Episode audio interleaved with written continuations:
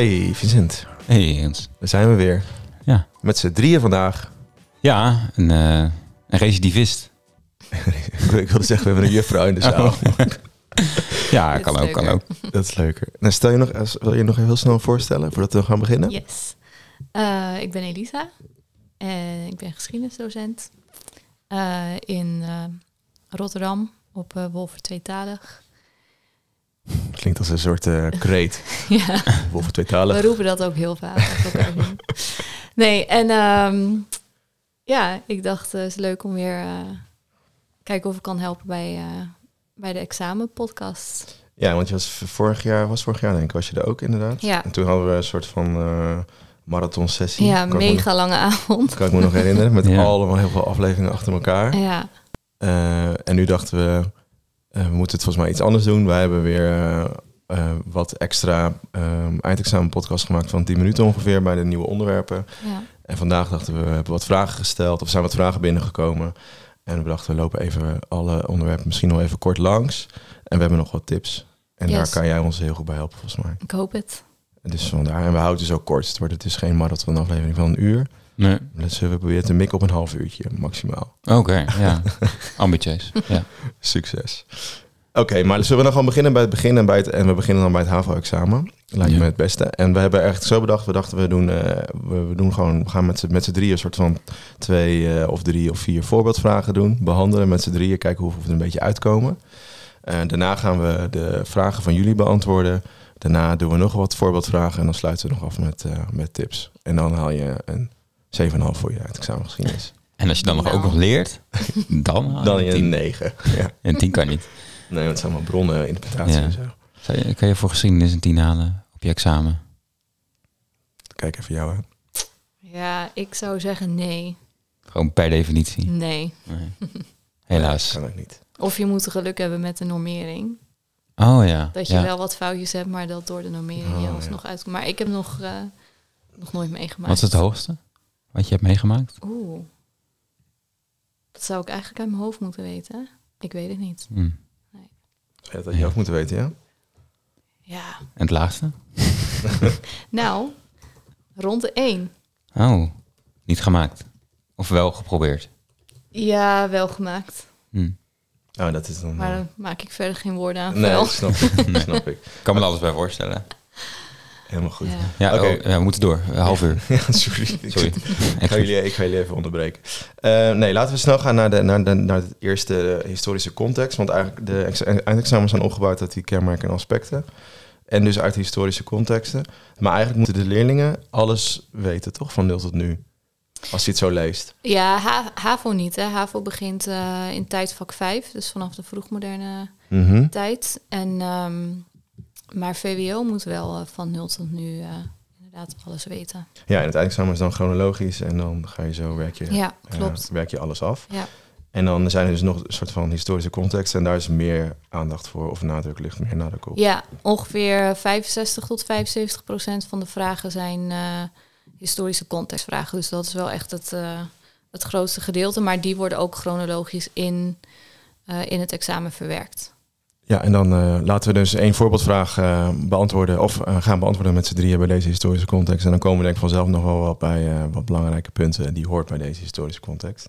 Nou, in het examen van vorig jaar stond de vraag. In 1686 voegde de Engelse koning Jacobus II een groot deel van de Engelse koloniën, dus goed opletten, in Noord-Amerika samen tot het Dominion of New England. Hm.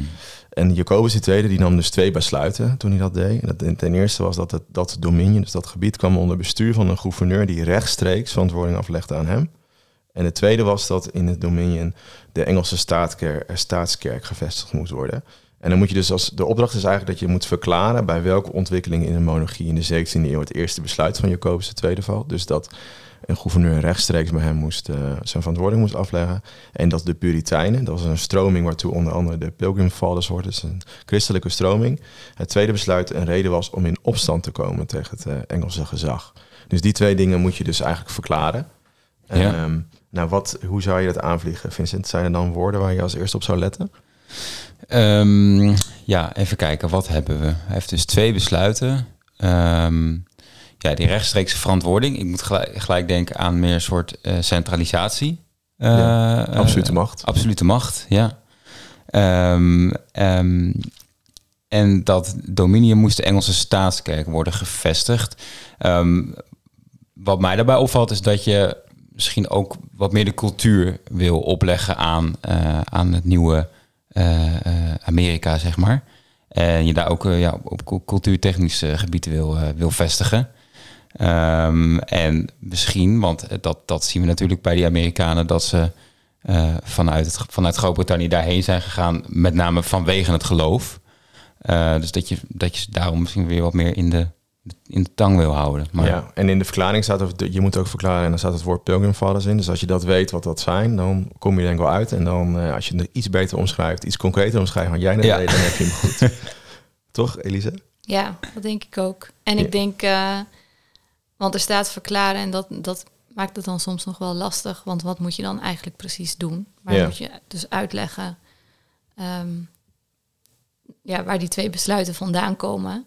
En er staat ontwikkeling, je moet zeggen bij welke ontwikkeling. En dat is een beetje flauw, want ze willen daar eigenlijk gewoon een kenmerkend aspect horen. Uit die 17e eeuw inderdaad, het absolutisme. Ja. Ehm, Ja, ik denk dat eh, misschien inderdaad wat, eh, wat Elise ook zegt, maar als je eh, de vraag verklaar krijgt, dat je gelijk kenmerkende aspecten even langsloopt en kijkt, kan ik die hierbij gebruiken? Want dan heb je echt al wel een kapstok om misschien je antwoord aan op te hangen, denk ik. ja. Ja, nou mooi. Ja, en als ik dan kijk naar het antwoordblad, dan hebben we het helemaal goed gedaan hoor. Want bij het eerste moet je eigenlijk laten zien eh, dat hij met dat, eh, dat hij dus, de, ja, dus het dominium kwam onder rechtstreeks bestuur van, eh, van die gouverneur die rechtstreeks verantwoording moest afleggen. Dan moet je dus verklaren dat Jacobus II, dus die koning zijn machtspositie verstevigde, zijn macht over de koloniën vastlegde, of dat het paste bij het streven naar absolute macht. Nou, dat hebben jullie allemaal gezegd, dus dat is helemaal goed. En die tweede was dat dit besluit leidde tot een opstand, omdat die Puritijnen, dus die Pilgrimfase, die waren juist uit Engeland vertrokken om in Noord-Amerika het echte geloof, hoe zij dat zagen, te, zeg je dat, te beoefenen. Ehm, en vrijheid te, te oefenen en, du- en een nieuwe samenleving te beginnen. En dat kon dus niet meer, omdat dus die kerk, laat maar zeggen, oh sorry, die kerk, eh, die kerk, eh, ik raak even iemand aan. En dat die kerk dus eh, zich daar ook eh, ging vestigen, dus zich daar ook aan moesten houden, dus niet meer hun, hun geloof vrijheid konden beoefenen. Ja, Punt. Nou, dan heb je genoeg punten en dan heb je je vraag helemaal goed beantwoord. nou, Mag ik nog super. wat tips geven voor deze vraag? Ja, graag. Want eh, het is ook handig om te kijken voordat je je antwoord gaat formuleren hoeveel punten je ervoor kan krijgen. Want dat staat altijd voor de vraag. Dus ik denk hier vier. Twee maar. Oh, twee maar. Dat Ja. is jammer. Dan moet, moet, je, moet je alles in één, één keer goed doen. Ehm, dus dan weet je dat, nou ja, dat je hier ook niet een heel uitgebreid antwoord op, hoeft te geven. Maar dat wat je opschrijft wel moet kloppen. Eh, uiteraard. Maar ehm, en een woordenboek is ook handig bij deze vraag. Want bijvoorbeeld Puritijnen, dat is waarschijnlijk. ehm, heb je waarschijnlijk wel geleerd. Maar ik kan me ook voorstellen dat dat een begrip is die je misschien vergeten bent. Of door de war met iets anders. Nou ja, dat is, dat is een woord, een mooi voorbeeld van een woord dat ook in het woordenboek staat. En dat je dan kan helpen eh, als, je die, ehm, als je die vraag leest. Dat je denkt, oh ja, dat was een stroming. Ja, Ehm, Ja, hele goede tip. Je Ja. mag natuurlijk gewoon je woordenboek gebruiken, ja. ja. ja, slim. Heb ik nooit gedaan eigenlijk toen. Nee, Nou. dat toen al? Kun je in je zak steken. Mhm. Oké, zullen we naar een, een volgende historische context? Ja, En dan wil ik omwille van de tijd naar Nederland eh 1948-2000. Nou, dit is nog een andere historische context als Duitsland in Europa. 1918-1991. Ehm, maar dan, ja, we verwijzen je gewoon naar de afleveringen. Dan kun je daar ook over, eh, over luisteren. En Elisa, had bij Nederland in 1948-2000 een, eh, iets over een badhuis. Ja, iets over een badhuis. Ehm, in 1916 werd er door het gemeentebestuur van Amsterdam een badhuis aan de Zaanstraat geopend, waar mensen voor 5 cent een bad konden nemen. En daar worden drie gegevens eh overgegeven. Eén, in de winter van 1944-45 werd het badhuis wegens gebrek aan brandstof gesloten. In 1985 werd het badhuis gesloten vanwege sterk teruglopende bezoekersaantallen. En in 1993 werd het gebouw heropend als hammam, wat een Oosters badhuis is. En dan is de vraag, elk gegeven past bij een kenmerkend aspect uit de 20e eeuw. Leg voor twee van de gegevens uit welk kenmer- kenmerkend aspect uit de 20e eeuw erbij past. Je mag maar één kenmerkend aspect gebruiken eh, per, Mhm. of ja, het moeten twee verschillende zijn. En je kan er twee punten voor ehm, krijgen. best een moeilijke vraag voor twee punten. Ja, Dus dat betekent dat Ja. je kenmerkend aspect goed moet zijn en je uitleg. Ja. En als je dan focust, want het gaat dus, die periode gaat van 1948 tot eh 2000. Ja, En die, 2008. 2008 en er waren twee, eh, eh, twee stukken van die vraag die daar opslaan. Dus dat Ja. was na de oorlog, dat eerste, wat was het nou? Dat het gesloten werd Ja, en dat hij weer geopend werd. ja, dus hij wordt gesloten vanwege teruglopende bezoekersaantallen en dan in 93 geopend als hammam. Mag ik dan een soort voorzetje, eh, een, een, een, eh, een eerste suggestie doen? Want ik heb niet, ik weet dus niet alle kenmerkende aspecten uit mijn hoofd. Ik denk dat die 1993 iets te maken heeft met de multiculturele samenleving. Zeker. Ehm, Ja. En die, in, die sluiting iets te maken heeft met de wederopbouw. En dat alles, eh, dat er heel veel nieuwe huizen werden gebouwd waar gewoon een, eh, een, een badvoorziening in zat. Ja. Maar ik weet dus niet ja. het kenmerkende aspect. Klopt, ja. Nou ja, die, dat, dat klopt dus wat je zegt. En dan zou je inderdaad wel het volledige kenmerkende aspect eh, moeten opschrijven. En je uitleg is ook eh, is gewoon prima. Ja. Ja. En dan de kenmerkende aspecten zijn... ehm, Kijk, de ontwikkeling van plugiforme en multiculturele samenlevingen. ja, nice. En de andere is de toenemende westerse welvaart... die vanaf de jaren 60 van de 20e eeuw aanleiding gaf tot ingrijpende sociaal-culturele Ja, die had ik niet helemaal goed, want ik had het over de wederopbouw. Dus het gaat inderdaad gewoon over de Ja, maar wel dat je een, douche hebt in je eigen huis. Want Ja. dat is in feite het gevolg van die eh, stijgende welvaart, Ja. denk ik. Ja, Hey, we, zitten, we hebben het nu over die kenmerkende aspecten. En we hebben echt eigenlijk de meeste vragen die we binnen hebben gekregen op Instagram... gingen over die kenmerkende aspecten. ja, love it. Ja. Ehm, en het waren vragen inderdaad van waarom moeten we überhaupt die dingen leren? Eh, en moeten we de lange of de korte leren? Ik weet helemaal- wist helemaal niet of er lange en korte versies waren. Ja, dat is nieuw. En hoe kunnen we ze leren? Die kwamen ook echt heel vaak eh, eh, terug. En hoe komen ze dus terug op het eindexamen? Nou, dit, net hebben we een voorbeeld gegeven. Maar misschien de eerste vraag, want die kwam het echt het meest voorbij. Van waarom moeten we ze überhaupt leren? Want wij hebben ze niet hoeven leren voor het staatsexamen, alleen voor het schoolexamen. Is dat zo? Ja. Ja, het is ook relatief nieuw. Ja. Maar wat is, kan jij uitleggen als docent waar, wat, wat het, waarom het heel fijn is? Ja. Ja, ik vind het na, na een jaar of vijf ook eindelijk fijn om mee te werken. Dus dat duurt even. Maar het idee achter die kenmerkende aspecten is dat eh, als jij klaar bent met de middelbare school, dan onthoud je natuurlijk niet alles eh, wat je hebt geleerd in de geschiedenislessen, helaas. Mhm. Maar ehm, ze hopen wel dat je die kenmerkende aspecten onthoudt.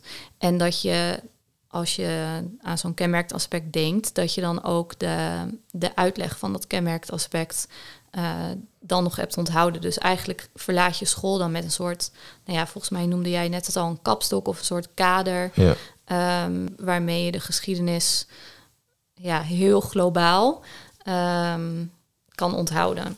Ja. Dat is een beetje het idee. Ja, dus dan is eigenlijk dat voorbeeld, ja, dus die, die voorbeeld is het kenmerkende aspect van jou, wat jij net zei over die pluriforme en multiculturele samenleving. Dan kan ik zo'n ontwikkeling daaraan koppelen. Ja, dat Ja. je denkt, oh ja, dat, eh, dat begon inderdaad in de 20e eeuw in Nederland en dat zag er zo uit. En dat je daar dan bepaalde begrippen en misschien zelfs een jaartal aan kan vastkoppelen, zodat je, nou ja, in ieder geval eh, een beetje algemene kennis daarvan eh, van meeneemt van de middelbare school. Ja, dus het moet eigenlijk een beetje, het moet het vooral makkelijker maken. Ja, Terwijl er eigenlijk heel wel. veel dat is Ja. kritiek op is, volgens mij. Ja, Ik denk dat ze echt je de sleutel geven om het te begrijpen. Een soort Ja. van dat ze aangeven van dit is wat we willen dat je ervan opsteekt. En want ik kan me wel herinneren dat wij toen wij zelf nog op school zaten, dat je wel ook leerlingen had die eh, misschien sowieso iets minder geïnteresseerd in geschiedenis waren en het iets lastiger mee hadden. Die helemaal eh, ja, door de bomen het bos niet meer zagen, helemaal verzand raakten in alle informatie. Terwijl, eh, nou, zoals wij hebben dan geschiedenis gestudeerd, dus dat ging ons toen ook iets makkelijker af. Eh, dat je misschien onbewust al een soort van kenmerkende Ja. aspecten voor jezelf creëerde.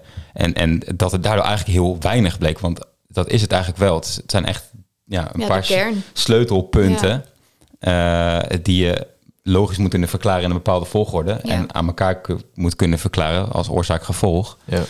Ehm, maar ik denk, ik, zou haast durven zeggen, maar ja, de, eh, de lerares zit erbij, maar eh, dat je juist die kenmerkende aspecten leert en, en misschien de hele details wat meer op de achtergrond laat. Ja, ik raad dat sowieso aan voor de tijdvakken waar je alleen de oriëntatiekennis voor moet weten. Ehm, raad ik leerlingen aan om zorg dat je die kenmerkende aspecten gewoon kent.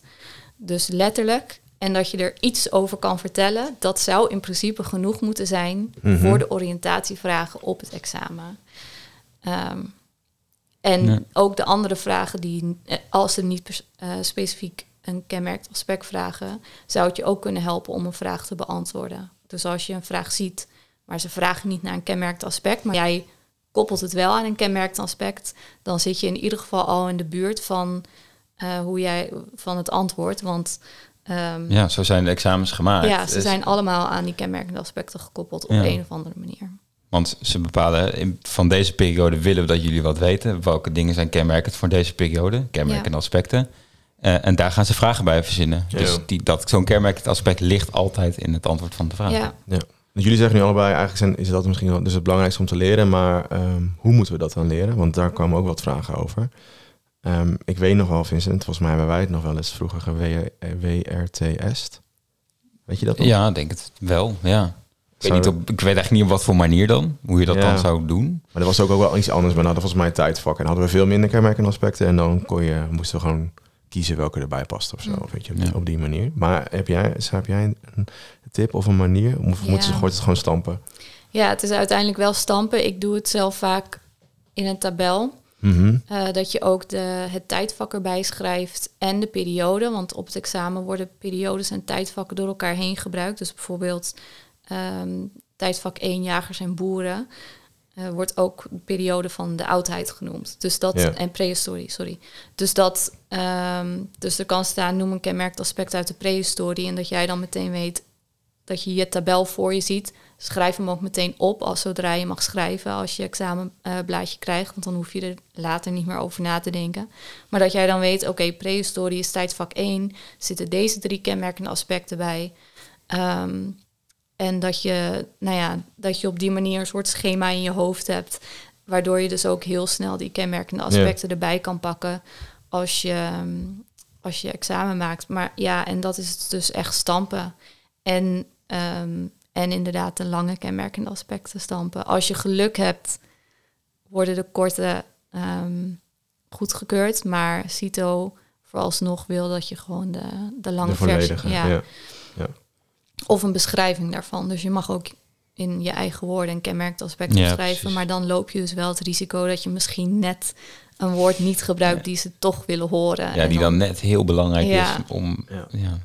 Ja. En dat is misschien dan nog een, een tip dat je moet echt even moet kijken op examenblad.nl en dan dus naar de syllabus. Want je ziet dus dat eigenlijk in die beschrijving van een historische context bijvoorbeeld staan heel veel woorden komen terug die in die kenmerken en aspecten zitten. Ja. Als je die gewoon onthoudt, dan Ja. ben je er, toch? ja, dat het. Maar als het goed is, weet je ze inmiddels al. Ja, want, jij Als bent, je ja, want je bent natuurlijk ook al een paar jaar ook al mee bezig, toch? Sinds de Ja, in ieder geval vanaf de bovenbouw. Ja. Sommige scholen beginnen ook al in de onderbouw. Ehm, dus ja, je wordt er wel echt mee, eh, mee doodgegooid in principe. Maar ja, het blijven, ik ken ze ook nog steeds, of nog steeds niet meer allemaal uit mijn hoofd. Want Nee. het zijn gewoon rotzinnen. Dat Ja, is het wel zo. gewoon- ja. Maar we moeten het eigenlijk gewoon zien dus als een soort ezelsbruggetjes. Laten we Ja. het in plaats van kenmerken en aspecten. Ja. Klinkt meteen zo En het is echt geen last. Het is echt een, lust. een lust. nou ja, zo zou ik het ook doen.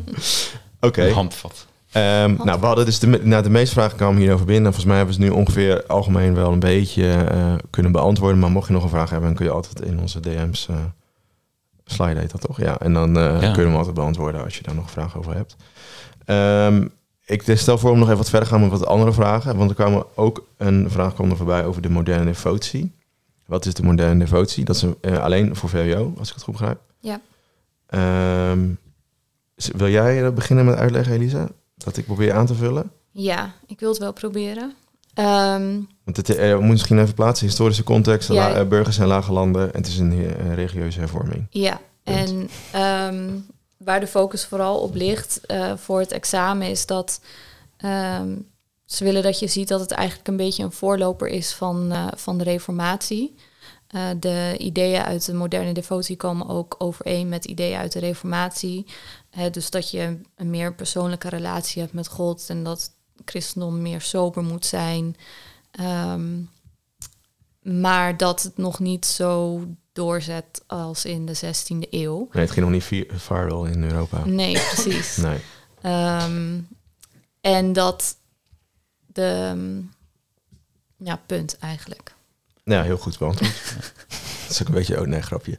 Maar eh, nee, klopt helemaal. En, en ik, eh, wat ik gewoon altijd onthoud is dat het een beetje... ehm, ehm, heel erg wat jij net zei, dus het gaat heel erg vanuit het individu. En het is ook een soort van, in, de hele, in die hele periode is een soort van verplaatsing van het collectief naar het individu. Ja, Door eh, dat het, eh, laat maar zeggen, steeds beter ging. Mensen gingen in steden wonen en er kwamen gilden. Dus er was veel minder eh, macht uiteindelijk voor. Of er waren naast de adel en de geestelijke waar was er ook weer een stedelijke burgerij. Dus het ging eigenlijk, daar, daar sluit het helemaal op aan. En het had, was ook gewoon echt die kritiek op de hele rijke eh, katholieke kerk die zichzelf vooral verrijkte. Ja. En niet, eh, niet de normale arbeider of de normale mens. Ja. Dus zo, eh, als je dat een beetje onthoudt, dan heb je volgens mij genoeg punten gescoord. Maar het belangrijkste is dat jij zegt, het is een soort voorloper. Een soort Nederlandse voorloper, want het komt uit Deventer. Of ontstaan in Deventer. eh, van de grote reformatie een paar Ja. eeuwen later. En het is ook wel nog, nog, nog een beetje iets moet ontkrachten. Is dat we heel vaak denken dat Luther door Luther de, de, de, de- een eerste vertaling was in het Nederlands van de Bijbel. Dus pas daarna. Maar dat was in de 13e eeuw al. Door Oh. onder andere de moderne devotie. Dus nou, dan kun je dat eh, Nice. tegen je ouders vertellen. aan de- In je zak steken. in, aan de eettafel. Ehm, ik ga ze gewoon even af, want de, de volgende vraag is weer heel wat anders. Dat was namelijk, hoe, hoe kan ik het beste beginnen met een bron? Want ik zag inderdaad in het VWO-examen vorig jaar heel veel bronvragen. Hoe zouden, zouden jullie daar best eh, aan beginnen? Ja. Ligt er misschien ook een beetje aan of het een tekst is of een afbeelding. Ja, vaak zijn het afbeeldingen. Vaak wel, hè? Ja. Ja, ja ehm, wa- waar ik zo aan zou beginnen is... Kijk, wie zie je? Maar laten we ervan uitgaan dat je niet weet wie je ziet. Dat het eh, misschien politici zijn of andere figuren waarvan je nooit hebt gehoord. Je zou natuurlijk kunnen kijken van eh, hoe zijn ze gekleed? Eh, kan ik daar al eens iets zeggen over de tijd waarin we, waarin we ons bevinden? Welke tijd heb ik, heb ik behandeld? Eh, waar, waar zou het dan bij horen? En welke figuren zouden het dan kunnen zijn? Eh, en, en welke periode hoort daar dan bij? Of welke gebeurtenis, eh, zeg maar? Mhm. Ik denk dat eh, als ik niks zou weten, zou ik daar als eerste naar kijken van nou, wat, hoe kan ik deze foto plaatsen? Hoe, ja, in welke tijd? En vanaf daar kun je natuurlijk weer je kenmerkende aspecten erbij pakken. heel goed. Ja, Nee, je bent echt van het visuele aspect. ja, Ja. Er staat ook wel vaak een bronvermelding bij, toch? Ja, want dat, dat wordt vaak vergeten. Maar die bronvermelding is wel belangrijk om naar te kijken ook. Want dan zie je dus of een jaartal erbij staan. Maar ook wie de bron heeft gemaakt eh, of geschreven. Dus vooral met spotprenten. Als het een vraag is over iets in de Sovjet-Unie en je leest een cartoon getekend door Amerikaanse eh, journalist, dan weet je, dan kan je dat als het goed is al, eh, al een plek geven, zonder dat je weet inderdaad wie erop staat. Of, eh, en daar wordt vaak ook wel uitgebreid uitleg over gegeven. Ja. Maar die bronvermelding is, wel, is vaak wel key in, eh, in het antwoord, voor het antwoord. hm, goeie. Ja. Ja. Ja, volgens mij, maar dat, zo zou ik het ook inderdaad aanpakken. En dan, eh, ja, dan is het gewoon een classic, le- lees goed de vraag. En dan kom je er wel uit. Ja, en Toch? altijd die bron gebruiken in je, Ja, in je antwoord. In je antwoord inderdaad. Tenzij er expliciet wordt gezegd zonder bron. Want soms willen ze wel dat je ergens naar kijkt, maar dat je eerst iets anders zegt zonder de bron. Ja. Maar ook als er niet wordt gevraagd, gebruik de bron, doe het gewoon. Laat zien dat jij weet wat er gebeurt of wat er gezegd wordt of wat de Ja. mening is van, eh, van de bron aan de hand van een voorbeeld uit de bron. Ik weet nog dat ik gewoon altijd opschreef, in de bron zien we. En dan Ja, noemde ik perfect. drie, drie voorbeelden bijvoorbeeld wat je dan zag. Ja. Dus bijvoorbeeld inderdaad een cartoon of je zag iemand met een, eh, een kroon. Dan wist je een koning, een koning en weet je wel zo. Ja, en dat geeft op deze manier antwoord op de vraag. zeg Ja, maar. Dat, ja. ja. Ja. En dan haalde je de vraag weer. Nou, je Maar je zo- denkt dat misschien wel, inderdaad. Maar als je het echt opschrijft, dan ik denk dat je helpt jezelf ook wel om volgens de- het echte antwoord, wat je daarna gaat geven, eh, wat meer structuur te geven. Ja, Dat denk ik ook, ja. Ehm, even kijken, ik heb nog vier ehm, vragen die, eh, die voorbij kwamen. En de eerste was, moet je de hele geschiedenis kennen? Ja. ja, sowieso. Ja. maar het moet ook, want dus, echt- en, en, maar het, examen is dus wel chronologisch opgesteld. Maar door die kenmerkende aspecten weet je als het goed is ook wel de hele geschiedenis. Dat hebben we eigenlijk al een beetje gezegd net. Ehm, deze vraag die weet ik niet goed, maar volgens mij komt, is dat helemaal geen examenstof eigenlijk. De Korea-oorlog en de Vietnamoorlog, wat het verschil is tussen die twee. Eh 20 landen. jaar, Ja, in 20 jaar. Om en erbij.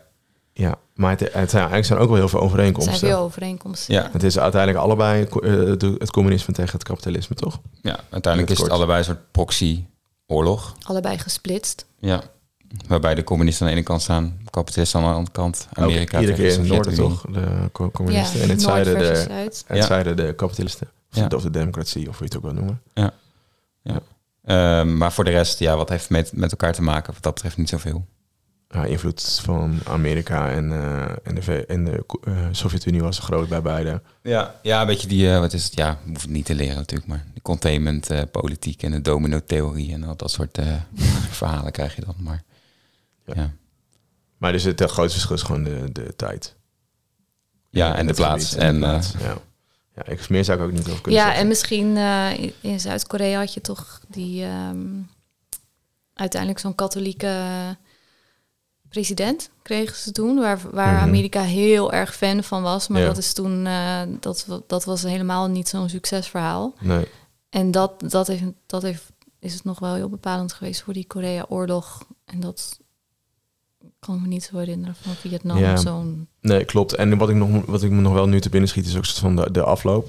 Hoe zeg je dat? Dus eh, Korea, Mhm. Zuid-Korea is een, echt een soort Amerikaans land geworden. ja, Toch? En super eh, welvaar, welvarend op dit moment, voortstrevend, innoverend, christelijk. christelijk. Ja, heel goed. Ja, Vietnam tegenover, nou niet tegenover, dat is een beetje lullig om te zeggen, maar is wel anders gegaan. ja, Ja, is heeft zich heel anders ontwikkeld. Ja, en, en er is geen splitsing meer daar. Nee. En in Noord- en Zuid-Korea nog wel. Nou, volgens mij hebben we nu best wel wat verschillen al benoemd, maar Ja. het is dus Wat niet... totaal niet belangrijk is voor je examen. Nee, maar- is maar leuk om te weten. Mag je meteen vergeten. Ehm, dit is een moeilijke vraag en die kan ik echt niet zo 1, 2, 3 beantwoorden. Namelijk, wat is het onderscheid tussen eh, Rousseau en, eh, en John Locke? Oh ja. Ze hebben nu zijn in de verlichting aangekomen. En hoe is dit gekoppeld aan het sociaal contract? Misschien moeten we eerst even dat sociaal contract uitleggen. Wil je in het begin de voorzet geven, Elisa? Ja, nou, het sociaal, sociaal contract is ehm, een idee over hoe de bevolking in relatie staat tot de heerser of een koning Ja, eh, of, een, of een bestuur van een land. Met, en het idee daarachter is dat eh, ooit eh, het volk heeft gezegd: wij willen, wij moeten bestuurd worden, want als er geen bestuur is, dan is het onmogelijk om ehm, te leven en ja, te vreedzaam te ontwikkelen. leven. En- ja. Dus we leveren eigenlijk een stukje vrijheid in. Hè, want als er een bestuur is, komt er ook wetgeving. En, en ja, verlies je dus een klein beetje vrijheid. Wij leveren een stukje vrijheid in in ruil voor een bestuur. Maar dat bestuur moet dus wel in dienst staan van het volk. Ja. Dat is denk ik. eh, en het is no dat is nooit echt gebeurd. Dat is een idee over hoe de relatie tussen bestuur en, eh, en een volk Is- is ontstaan. Ja. ja. En als je het dan een beetje naar jezelf kan trekken, is misschien eh, dat je dus een contract sluit met je bijbaantje, waar je dus vrijheid door inlevert. Dus je kan niet eh, iedere vrijdagavond moet je werken in plaats van Netflixen Voetballen. of voetballen. Maar daarvoor krijg je dus wel geld, waardoor je dingen Ja. kan doen. En, en dit is natuurlijk een idee. En daarvoor kreeg je als land of als bevolking of maatschappij eh, de rust en de regelmaat waardoor je kon ontwikkelen, waardoor je verder kon komen. ja. Volgens mij is dat een beetje eh, heel snel uitgelegd. Ja. Ja, en misschien ook wat het een sociaal contract maakt in, maakt in plaats van een gewoon een contract. Want. Ehm, ik denk ook wel dat het wat is om je eh, de macht weg te geven, zeg maar. Want dat is in feite natuurlijk wat je doet. Je zegt van, eh, jullie mogen over ons bepalen. Eh, ik geef een stukje eigen macht of eigen initiatief geef ik weg. En ik ga ervan uit dat jullie daar het beste mee doen. ja. Het, het, het, het- het is misschien ook nog iets meer gebaseerd op, ehm, op het goede van de mens. Of eh, ja, nog wat iets spiritueler misschien. In plaats van wat jij net zegt ook van een contract. Dan zeg je echt van nou, jij krijgt dit. Of ik geef je dit en ik krijg dat. Eh, Dat Mhm. is natuurlijk ook wel een beetje. Maar ik denk dat het nog iets ehm, ja, groter is. Dat, dat opzicht. Ja, het is een, een filosofie of een idee. Dat is eh, veel beter toch? Ja. Oké, en dan nu het tweede deel van de vraag. Wat is dan het verschil tussen John Locke en Rousseau? En zij hebben allebei een soort van visie geschreven op dat sociale contract. Eerst was Locke, daarna kwam eh, Rousseau. Ehm, en ik vind dat best wel lastig om te beantwoorden. Want volgens mij, als ik het goed onthouden heb... en wat, ik ook, wat ook in de aflevering daarover terugkomt... over die verlichting, was dat... ehm Locke, die ziet eigenlijk een soort van... eh, dat de mensen vrijwillig samenkomen... een soort van staten vormen. Denk maar dieren die ook in groepen leven, et cetera. Ehm, en dat dus de, eh, de individuen wel in die natuurlijke staat of in die, in die groepsvorming sterke morele grenzen moeten opleggen, opleggen, omdat ze ook leven in een soort van angst ten alle tijden. Ja? Ja, ik zie jou heel, heel verschrikt kijken. Ehm, hoe kan ik dat het beste ehm, makkelijker maken? Ehm, Ja, dus gewoon de, eigenlijk dat de grenzen nodig zijn om, dus kaders nodig zijn. Dus, die, dus, dus een vorst die dus wetten oplegt. Mhm. Om dus, ja, ja, eigenlijk is het daar, sluit het heel erg aan wat, jij net, wat we net zeiden over het sociaal contract. Van hoe je dus met elkaar samenleeft. Ja, en Ehm. hij gaat volgens mij ook meer uit van dat omdat niet iedereen is slim genoeg Nee. om, eh, om op politiek niveau, zeg maar, een, ja, of om, om in politiek, aan de politiek deel te nemen. Mhm. Ja, Dus hij maakt ook een scheiding meer tussen zeg maar, de meer ontwikkel- ontwikkelde bevolking en minder ontwikkeld. ja. Dus daar, Ja, dat, denk, sluit aan op dat sluit, ja, en ik denk dat het belangrijkste te onthouden is dat eh, hij dichtstbij staat bij de uitleg van sociaal contract, wat we dus zeiden. Want zo wordt hij geïntroduceerd. Mhm. Nou, als je verder leert of later gaat geschiedenis studeren, dan heb je ook nog Thomas Hobbes, maar volgens mij komt hij niet echt Nee. naar voren in de stof. Eh, Dus dat kun je eigenlijk allemaal vergeten. Dus hij is dichtstbij gewoon wat we net dus zeiden. En Rousseau die ging juist eh, veel meer in eh, op dat we van de nature heel vredelievend waren. En dus we helemaal geen conflicten zouden opzoeken. En dus eigenlijk ook minder een sociaal contract nodig hadden. Toch? Dat is volgens mij het grootste verschil als ik het heel snel uitleg. Ja, en meer dan dat de mens meer, ja, iedereen is gelijk. Dan, dan moet, als ik aan Rousseau denk, denk ik daar altijd als eerste aan. Ja. Ehm, ja, alleen als je dan de syllabus leest is het wel weer het gekke dat er daarin staat dat mensen een soort van ehm, een deel van hun universaliteit willen inleveren omdat ze bescherming willen. oh ja. In plaats Volgens van, Rousseau volgens, ja, volgens Rousseau. Rousseau. Ja. Ja, ik denk dat, dat Locke ook iets meer was van, eh, eh, van de meerderheid, dus van de democratie. De meerderheid eh, eh, bepaalt omdat dat het meest het algemeen belang dient. Eh, waarbij Rousseau, wat je ook zegt, iets, iets gelijkwaardiger is en eigenlijk constant een soort consensus wil. ja. Ik denk dat eh, als je het even nu zou trekken, dat Locke zou zeggen: we stemmen eens in de vier jaar en jullie gaan het voor ons doen. En Rousseau zou meer van de, hoe noem je dat? Polderen. Ja, de Continu nou, overleggen. hoe heet het nou? Een, eh, eh, van de referenda zijn, zeg maar. Oh, dat ja. constante referendum doen. En dat dat meer eh, iets is zoals Rousseau het voor zich zou zien. Moeilijke vraag. Ja, hele Dat is ook moeilijke wel moeilijk. vraag. Ja.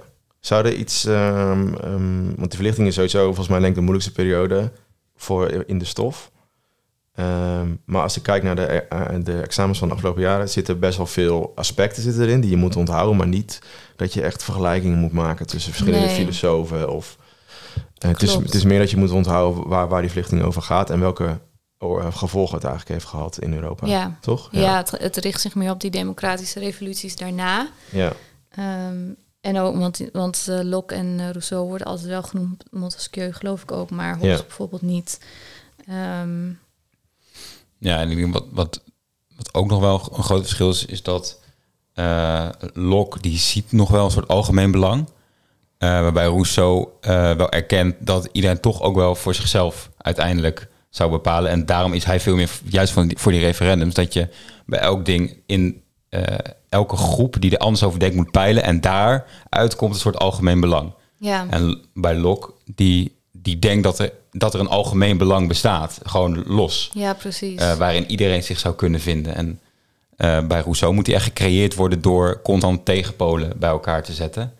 Eh, en je kan er niet van uitgaan dat mensen eh, eh, zelf voor het algemeen belang Ja. zorgen. Ja. Omdat ze Ja. altijd voor eigen partij eh, Ja. kiezen. Ja. Klopt, ja. Ja. en dat algemeen belang is wel iets wat vaak terugkomt. Of tenminste vaak wa- waar ik wel vragen over voorbij heb zien komen op examens. eh, over de koppeling met, over de, ja, de relatie tussen dat sociaal contract en algemeen belang. Dus dat is ook nog een goeie dat je dat, Ja. eh, dat benoemt. Echt, dus het, het is bijna wetenschapsfilosofie dit. Ja, het is, Ja, gewoon- Of filosofie, ja. Dus eh troost je daarmee. Met filosofie is vaak ook alles snel wel goed. Als je er maar over filosofeert. Ja. Ehm, en, en een laatste vraag die hier binnenkwam. Wat zijn de belangrijkste jaartallen? Ja, dat is niet te beantwoorden. nul, het jaar nul. Ja. Ja. Ehm, ja. je moet, denk, wat je vooral moet onthouden is denk ik die, die begin en die eind, die afbakening van de historische context is denk ik wel fijn om te weten voor jezelf. Want dan kan je het ook een beetje plaatsen in de tijd. Ja, Maar want dat, dat zijn altijd dat sluit helemaal aan bij de ja. aspecten weer. En het, het zijn altijd gebeurtenissen. Of Ja. Gulden Sporenslag. Of eh, einde van de Tweede... Nee, zit er niet in. eh, Tweede Wereldoorlog. Maar eh, gewoon zulke In dingen. 1945 is dat. Ja, Nou, heel goed Hebben jullie onthouden. die alvast? Ja. 1919, einde van de Eerste Wereldoorlog. Nee, en het zegt vaak wel wat, eh, eh, zeker met die, met die historische contexten over eh, eh, wat ze willen weten. En dus het geeft je ook wel enige duiding in eh, wat is de, bedoeling van dit, eh, van dit tijdvak, denk ik. Ja. Ja, behalve dus met, eh, Nederland van 1948 dus tot en met 2008. Dat is dus echt eigenlijk willekeurig. Dat ze dachten dat is gewoon mooi 48, 2008. Ja, Want er is niet iets gebeurt. specifieks gebeurd in die, eh, die twee jaartallen dat dat, eh, dat, dat dat perfect afkadert of zo. Nee. Nee, precies. Oké, nou dat waren denk ik een beetje eh, de, de, de meeste vragen die, die voorbij kwamen. Ehm, dan gaan we verder nog met die VWO-onderwerpen. Heel snel. En dan sluiten we af met nog wat tips en adviezen. En dan zijn jullie helemaal klaargestoomd als je klaargestoomd als je ook nog alle afleveringen hebben geluisterd. Moet het helemaal goed komen. Ik wil voorstellen om een eh, voorbeeldvraag te doen over China. Dan Ja. kan Vincent ook even aan het woord komen. Yes. En een voorbeeldvraag of over Duitsland in Europa... of over steden en burgers in de lage landen. Wat willen jullie liever? Eh, ja, ik weet ik niet zo goed. Ik kan wat over Duitsland zeggen. Eh, ik weet niet eh, waar, de, waar de meeste leerlingen Steden en burgers is, is moeilijk. Ja, doen we die. Ja. Zullen we daar dan beginnen? Want dan zijn we ook een beetje in de chronologische volgorde. Blijven we. Ehm, en die vraag is eigenlijk... er zijn twee gegevens over een Monnikendam. Eh, namelijk in 1524 kreeg Monnik- Monnikendam de bijnaam Lutherdam... omdat er veel Lutherse conventikels werden gehouden. Dat waren bijeenkomsten waar burgers thuis eh, samenkwamen om te praten over hun geloof... en zelf de Bijbel lazen. En het de tweede gegeven is dat in 1527 eh Wendelmoed Klaasdochter uit Monnikendam gevangen genomen werd voor het verspreiden van protestantse ideeën. Ze werd gevangen gezet in opdracht van de landvoogdes Margaretha van Oostenrijk, die namens Karel V over de Nederlandse, Nederlanden reageerde.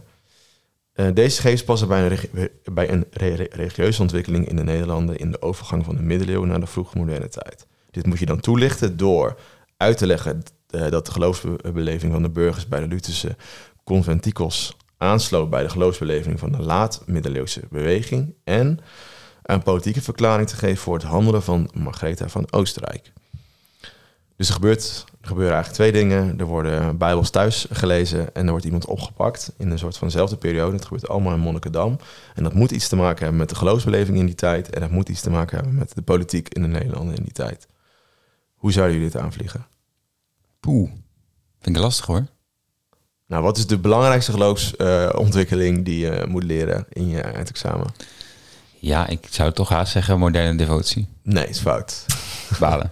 De, de, de reformatie. Eh, dus dat, dat, dat, ja, en je weet waarschijnlijk, eh nou, het woordje Luther zit erin, dus dan kun je hopelijk de link leggen toch met, eh, met, met, met de reformatie. Dus dat moet je doen. Ehm, en die politieke verklaring is, dan moet je dus iets weten van, nou dan moet je dus wel het jaartal 1527 een beetje kunnen plaatsen en wat er toen ongeveer gebeurde in Nederland.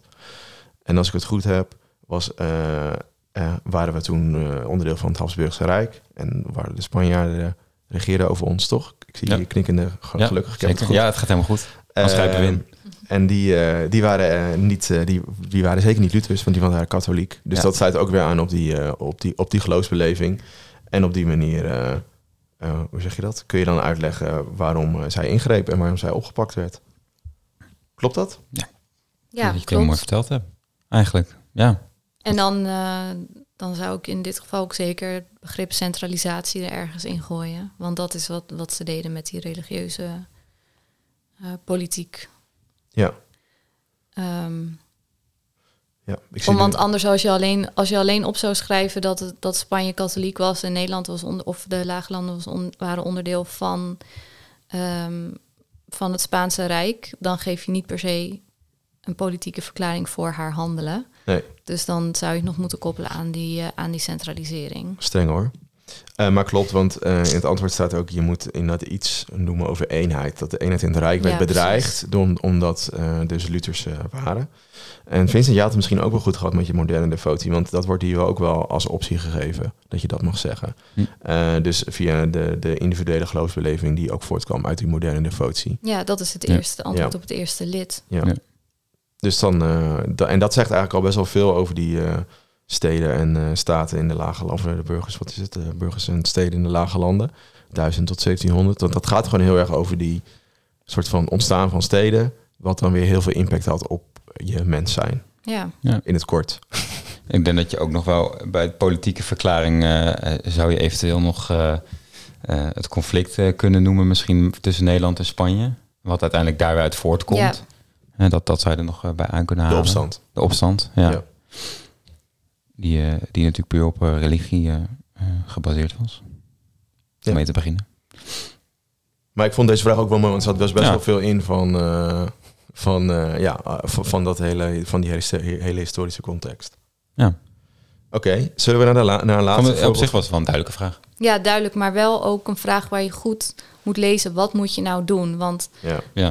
eh, het is een vraag die... eh, er- hij gaat over 1500, maar je moet ook iets noemen uit, uit, van een laatmiddelse beweging. Dus Ja. je moet ook weer terugdenken naar eh, iets verder terug in het tijdvak. eh, of in de historische context. ja, En ja, je moet het toelichten. Dus je moet niet alleen opschrijven moderne devotie, maar je moet dan dus ook uitleggen, ja, eh, waarom past dit bij de moderne devotie? Nou ja, namelijk omdat Luther eh, en moderne devotie hebben dezelfde ideeën, dus die ideeën lig je dan toe.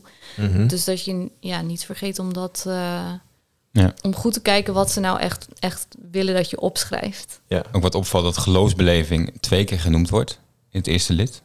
Dat, ja. Dat je denkt, oké, hoe wat is geloofsbeleving? Ik beleef het geloof. En nou ja, het beleven van het geloof ging dus anders, namelijk thuis in plaats van in de kerk. Ja, ja. En dat, eh, dat kwam dan weer voor uit de moderne devotie. Ja. En laat je dus niet, want dat was wat eerst wat ik dacht. Oh shit, ik weet echt niet waar Monnikendam ligt, wat er gebeurd is. En ik weet echt niet wie Wendel Moed Klaasdochter is. Nee, maar daar maakt het helemaal niet uit. nee, daar moet je je niet op gaan focussen. Nee, en dat is het eerste wat ik deed. En er waren dus geen monniken in Monnikendam. Dat is ook nog eens eh, een instinct in deze vraag. En ik Ja. vind het ook raar dat je niet weet waar Monnikendam ligt. Maar dat even terzijde. Nou, wel ongeveer. Oké, laten we van, naar de... Van Ronald de Boek komen daar vandaan. Ja, nou leuk. Een leuk feit. Als je dat weet bij je eindexamen, dan ga je sowieso een tien halen. Als je dat opschrijft. Ehm, laten we naar, de, naar, de, naar het laatste. En dat is ook de, een, een nieuwe... Is het een nieuwe historische context? Ja. China. Ja, China, zeker. ja. Ehm, en dat, die heb jij eh, gedaan, Vincent. Het was best moeilijk, eh, vond je. Tijdens de voorbereiding heb je een paar keer geappt dat het best pittig was. Ja, nou ja, eh, ik heb daar eh, weinig over eh, geleerd op de middelbare school en ook niet op de universiteit. Dus Maar toch drie afleveringen om te maken van 10 minuten. ja, weet je, je verdiept er even in, je doet wat voor de medemens en dan, dan kom je eruit. Nee, ik vond het best leuk eigenlijk. Gewoon informatie die, je die je niet kende en ja, ik vond dat, dat de stof best duidelijk was en heel in hele hapklare blok, brokken van oorzaak-gevolgen is, eh, is gezet. Dus dat, eh, ja. Mag ik er meteen nog eerst iets over zeggen voordat Ja, jullie die tuurlijk. vraag doen? Want eh, over die kenmerkende aspecten en dit tijdvak is ook interessant, omdat, en ik geloof dat in bijna elk boek daar ook wel de nadruk op wordt gelegd, is dat de kenmerkende aspecten qua tijd kloppen eigenlijk niet met eh, de ontwikkelingen die in China plaatsvinden. Dus je Mhm. ziet dat in China eh, eh, bijvoorbeeld een kenmerkend aspect over ehm, het toepassen van eh, totalitaire ideologieën of emancipatiebewegingen, dat gebeurt eh, later daar dan in West-Europa. Ehm, en Oost-Europa trouwens ook. Dus ehm, daar zie je ook de beperking van de kenmerkende aspecten dat ze heel erg gericht zijn op westerse Europese geschiedenis. Ja. En dat je ze ook kan toepassen op, deze, op dit stuk van de Chinese geschiedenis, maar dat het dus qua tijden door elkaar heen loopt. Eh, dat je in, eh, in China dus eerder vormen van verzet tegen het West-Europese imperialisme ziet, terwijl je dat in de eh, kolonies van, van West-Europa die je behandelt, dus Indonesië, maar ook India en, en natuurlijk Amerika, dat je dat daar pas later ziet. Ja, Amerika niet trouwens, maar Ja. dus dat China daar dan weer op voorloopt. Dus nou ja, dat is ook goed om, om te onthouden. En daar heb ik ook vragen over gezien in oefenvragen van welk kenmerkend aspect uit een ander tijdvak past eh, in deze geschiedenis van China. Oh, dus maakt het ook best wel ingewikkeld. Dat vind ik best ingewikkeld. Ja. Maar, ja. Ja. Dus dat is goed om, eh, om in je achterhoofd te houden. Hey, de vraag die we opschreven is eigenlijk een, een bronvraag. Er zat een afbeelding bij die iets boven staat. En dat is een afbeelding van eigenlijk eh, eh, arbeiders eh, die met eh, verschillende artilleriewapens en granaten en een mitrailleur staan van Europese makerij. Oeh. onder leiding van een Brit. We zagen dus een afbeelding en daar staat dus een Li Hongzhang op. Eh, op die afbeelding staan dan eh, Europese wapens en hij is een arbeider. En de volgende vraag is eigenlijk, dus de eerste vraag is een bronvraag, nee, die gaan we nu niet doen. Maar de volgende vraag is dat er twee gegevens er zijn over die Li Hongzhang. En dat is, de eerste is dat hij eh, met succes verschillende Chinese ambtenaren examens aflegde. En ten tweede was dat hij een van de militaire leiders is die de Taipang, Taiping-opstand neersloeg. En, en deze Li Hongzhang werd door de nationalisten in 1912 beschouwd als een voorbeeld van een verrader van China. Hmm. Leg deze visie van de nationalisten uit door ten eerste het ideaal van de nationalisten te noemen dat Li Hongzhang met zijn levenswijze niet had ondersteund. En voor beide gegevens apart aan te tonen op welke wijze dit inging tegen het ideaal van de nationalisten. Leuke vraag. Ja, Ja, ehm, nou ja, twee gegevens dus. Het ambtenaren-examen, dat is denk ik een belangrijke. Ja. Eh, en, en de Taiping-opstand.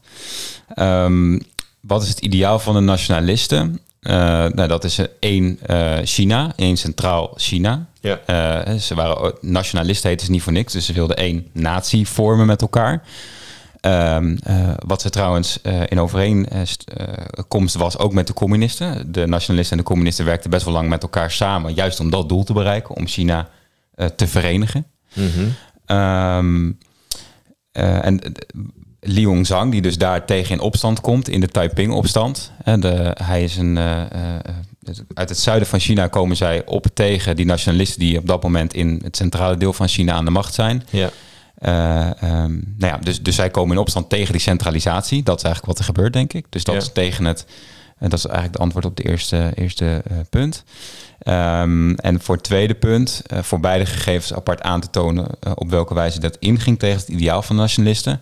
Nou, dat ambtenarenexamen, dat was al honderden jaren moest je dat doen om in China een, een ambtenaar te worden. ja, En dat was eigenlijk voor bedoeld ehm, dat je eh, ja, eh, hele goede kennis had van het Confucianisme. Dus eh, de leer waarop de hele Chinese samenleving was geënt. Dat je kennis had van de Chinese literatuur. en dat je op die manier een hele hoog niveau stelde aan je ambtenaren. En zo best wel een sterk bestuur ook kreeg. Ehm, maar dat was, dat was wel iets van het oude China. het Waarbij- keizerrijk. Van het keizerrijk. Ja. En de nationalisten waren daartegen. Ja. Dus ze waren wel voor een centraal China, maar wel eh, voor vernieuwing. Hè, om vernieuwingen door te voeren, om contacten te leggen, eh, handel te gaan drijven volgens wat meer westerse manieren. Ja. Eh, en daar was die Taiping was daar, was daar tegen. Ehm, ehm, Ja, en Ja. dat ambt- ambtenaren die werden toch ook steeds meer beschuldigd van corruptie. Eh, en dat ze vooral bezig waren met zichzelf. ja, ze waren de elite. Ja, ze waren Ja. de elite, dus, Die dus er niet, gelijkheid. ja. er werd niet gekeken naar. Er waren natuurrampen op een gegeven moment die zorgden voor misoogsten en zo. En, en, en dat ambtenarenbestuur deed daar eigenlijk te weinig eh, mee. Waardoor volgens mij ook, ja, dat is natuurlijk niet heel nationalistisch als je eh, je niet inzet voor de hele bevolking. Ja. Ja. ja, volgens mij een dikke tien. Dat klopt bij het antwoord. Je moet inderdaad iets zeggen over... eh, eh, doordat hij door het afleggen van het ambtenaren-examen... wat dus iets was van het oude keizerrijk... dus nog iets ouds was en niet dus paste bij nationale, bij die nationalisten... dat hij dus aansloot bij die bestuurlijke elite van China... Eh, en dat hij dus hoorde tot een bevoorrechte klasse... terwijl zij dus gelijkheid wilde... Ehm, en eigenlijk door het neerslaan, dus dat tweede punt van, uit van de vraag is... eh, eh, en de, dus de boeren had neergeslagen en dus die hele opstand had neergeslagen... had hij ook niet bijgedragen aan die noodzakelijke ontwikkeling van het volk... zoals de eh, nationalisten dat zagen. Dus hij had ze gewoon tegengewerkt. En volgens mij, ik vond deze vraag wel mooi, want hij, hij zeg je dat, hij laat best wel de, volgens mij de belangrijkste eh, punten zien van deze historische context, toch? Dus die ontwikkeling in China die opeens eh, best wel bijzonder is. Ehm, en, en een soort van, hoe zeg je dat, die, die gelijkheidsideaal wat, wat, wat doorborrelt overal. Ja, het is, het is- best grappig, want ze, ze zijn natuurlijk eh, eeuwen een keizerrijk geweest. En op een gegeven moment valt die keizer doordat eh er zoveel... nou ja, de, de, de bevolking leeft in hele slechte omstandigheden. Dus het keizerrijk kan, kan niet meer eh, voor de bevolking zorgen. Dat komt er eigenlijk in feite op neer, waardoor uiteindelijk die, dat keizerrijk valt. Mhm. Eh, ja, en dan zie je gewoon wat je overal ziet eh, in dat soort situaties. Dat, dat er een machtsvacuum ontstaat. Of Ja. dat er een, een open plek eh, komt waar iemand moet inspringen om de macht Ja. over te nemen. En dat zie je heel duidelijk gebeuren in China. Ehm, en, en er wordt ook wel gekeken van wie kunnen we hier ook de schuld eh, van geven. Want het ging dus eeuwen goed. En op een gegeven moment komen die westerse landen komen Ja. hier. Ja, Dus die eh, krijgen de begin- schuld. beginnen met handel drijven en stukje bij beetje de samenleving Ja. eh, ondermijnen. Eh, dus die krijgen ook de schuld. Dus die moeten, ja, dat is eigenlijk denk ik de eerste deel van de historische context, echt wel de moraal van het verhaal. De buitenlandse invloed moet weg. Eh, we moeten weer een groot China worden Ja. zoals we waren. Ja, en dus aan de ene kant wel die ontwikkelingen willen die ze zien die het Westen heeft. Want Ja. je ziet dat verschillende partijen zeggen, ja, we moeten industrialiseren en ons verder ontwikkelen. Maar tegelijkertijd gaat dat dan ook weer in tegen het idee van, ja, we willen... Traditioneel Ja. blijven op een bepaalde manier. Ja, Ja, dat klopt. En, en wat je denk in de tweede helft van de historische context ziet, is dat zij ehm, eh, nou ja, helemaal aan lage wal zijn geraakt. En dat is ook de overkoepelende van ze waren een regionale grootmacht, nu zijn ze dat niet meer, of op een Ja. bepaald moment. Eh, dat, dat ze op zoek zijn naar een soort sleutel om zo snel mogelijk weer een grootmacht in de regio en zelfs in de wereld te worden. En dat is die nou, heel veel mislukkingen, zoals de culturele revolutie, eh, eh, eh, die andere is. Kom even niet op. de grote sprong. De grote sprong voorwaarts, voorwaarts, ja, ja. en dat is hem. Eh, dat, dat zijn allemaal mislukte pogingen om die stap te zetten. En uiteindelijk eind jaren 90, 80, 90 hebben ze denk ik de sleutel gevonden door, nou ja, toch wel eh, in aard communistisch te zijn, maar wel de vruchten van het kapitalisme te plukken.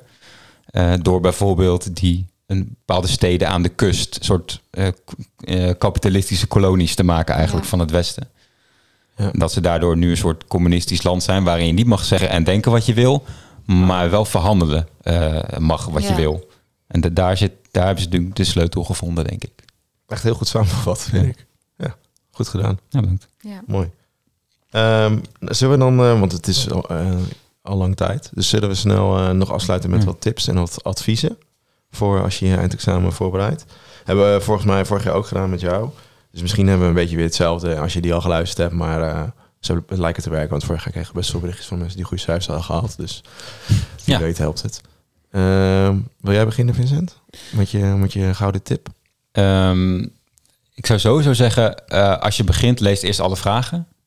Ehm, dat je, inderdaad, wat Elise net ook al zei, dat je weet waar zijn de, meeste punten te behalen. Wat weet ik, wat weet ik niet. Ehm, en, en sla dus ook vooral een vraag over als je er even niet uitkomt en ga dan door naar de volgende. Ik denk dat dat, ja. dat, dat heel belangrijk is. ja, mooi. hè? Voor op het moment dat je er zit. Ja. Ja. Dus, ja. Ik, ik doe eentje voor de, voor de voorbereiding. en jij? Ja, ehm, dat ook. Want je hoeft de, de toets is chronologisch, maar jij hoeft dat niet. eh, jij hoeft de toets niet chronologisch te maken. Dat is irritant voor de nakijkers, maar jij mag op, op de volgorde maken die voor jou het prettigst is. Dus doe vooral eerst de vraag waarvan je weet: oké, deze kan ik en deze Mhm. kost mij niet veel tijd. Ehm, ja, en ik toch, toch een terugkomen op die kenmerkende aspecten. Ik zou zeggen, schrijf ze meteen op, zodra Ja, je mag goeie. schrijven. Ja. Want dan hoef je er niet meer over na te denken. En als je ze niet alle 49, je hoeft ze niet helemaal uit te schrijven, maar in ieder geval genoeg voor jou dat je, eh, dat je, dat je ze snel herkent. Eh, en als je dan wel nog tijd over hebt en je, je komt vast te zitten bij een vraag, ga dan eens kijken, oké, in welke periode zit ik? Dus welk, welk tijdvak en welk kenmerkt aspect kan ik eraan koppelen en kan ik er dan misschien toch nog iets mee? Ehm, om te kijken of je er toch nog een puntje uit kan, eh, uit kan halen. Ja, mooi ja.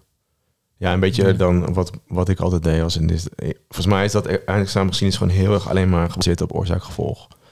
Zo Ja, heb, ik het heel heb ik het alleen maar benaderd toen ik dat eh, deed. En dat ging ik gewoon allemaal uittekenen.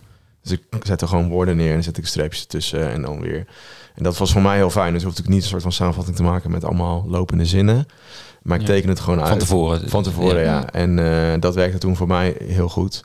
En ik merk dat ik in die voorbereiding voor die examens heb ik, dit, heb ik dat weer hetzelfde gedaan. Ja. Dus dan, en ja, omdat je dus, er wordt gewoon zoveel gevraagd naar een soort van oorzaak-gevolg elke keer. En dan denk je van, oh ja, dat heb ik toen zo getekend. Dus dat is hetzelfde wat jij zegt. Ja, Door even die kenmerkende aspecten in een soort tabel te zetten, dan kun je het veel makkelijker eh, visualiseren. Ja, Dus nee, dus die- voor het leren is dan denk ik de, de, de, de, de beste tip. Ja, Want zo is het examen bedacht. ja, Gewoon best wel eh, eh, ingezoomd op een bepaalde manier om alleen maar de oorzaken en gevolgen eruit te halen. ja.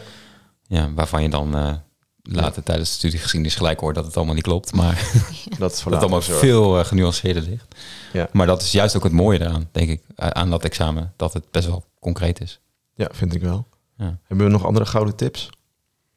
nou, ik moest alleen nog denken aan die bronvragen, want we hebben het vooral gehad over, eh, over ehm, tekeningen of afbeeld, af- Mhm. eh, afbeeldingen. Maar als er, eh, als er leesbronnen eh, zijn, die er hoogstwaarschijnlijk ook in zitten, Ja. ook daar goed kijken naar, naar wie het heeft geschreven, wie wat zegt. wat, zijn, wat is de positie van die persoon? Is het iemand uit een regering of is het een arbeider of een student? Want dat zegt al iets over hoe ze tegenover een situatie staan of wat voor autoriteit hebben om over een situatie te spreken. Dus of de Ja. bron subjectief of, of objectief is. En ehm, als, de, als de bron gaat over eh, de vraag, dan is die sowieso bruikbaar. Dat is ook een vraag die vaak wordt gesteld: is deze bron bruikbaar? Nou ja, als die gaat over eh, de vraag, dan is het antwoord eigenlijk altijd ja. Maar betrouwbaarheid is dan iets ingewikkelder. En dan moet je dus weer goed naar die, eh, naar die bronvermelding kijken. En de vraag lezen en ook aanstrepen in de bron. Waar vind ik nou het antwoord op die vraag? Dat je heel gericht gaat, eh, gaat lezen. Ja, het is, e- dat is echt gewoon begrijpend lezen. Ja. Wat heel lastig kan zijn. Ehm, maar wel belangrijk als je die vragen ook goed wil beantwoorden. En je mag dus een woordenboek Ja. meenemen. Ja, en je mag ook op het examen schrijven en, eh, en ehm, Krassen, ha- ja, ja, alles. Dus doe dat vooral. Als dat helpt. Ja. Gebruik het als je uh, kladblok. Denk Ja. ik. Ja. Nou, volgens mij hebben we best wel, wel, eh, wel wat tips dan gegeven. En de rest zijn allemaal tips die voor, zich, voor zichzelf spreken. Ja. Lees goed de vragen en zo. Herhaal de vraag in je antwoord. Herhaal de vraag in je Ook antwoord. altijd een hebben we ook al, eh, ook al gezegd. Ja. Ehm, nou, bedankt Elisa. En jullie Ja. succes met je examen. En mocht je nog eh, mocht je onder de indruk zijn van onze stemmen, we hebben nog meer podcastafleveringen die je gewoon waar we heel laagdrempelig allemaal dingen vertellen over geschiedenis. Dus misschien als je het leuk vindt, eh, kun je altijd eh, de andere aflevering ook luisteren. Ja, zou ik zeker doen. En mocht je nog een vraag hebben, stuur gewoon even een berichtje op Instagram. Kunnen wij ze beantwoorden. En we zullen vast nog wel even een, eh een vragenronde weer doen. Eh, dat we wat vragen kunnen beantwoorden. Ja, eh, indien, eh, indien nodig. Dus dat komt goed.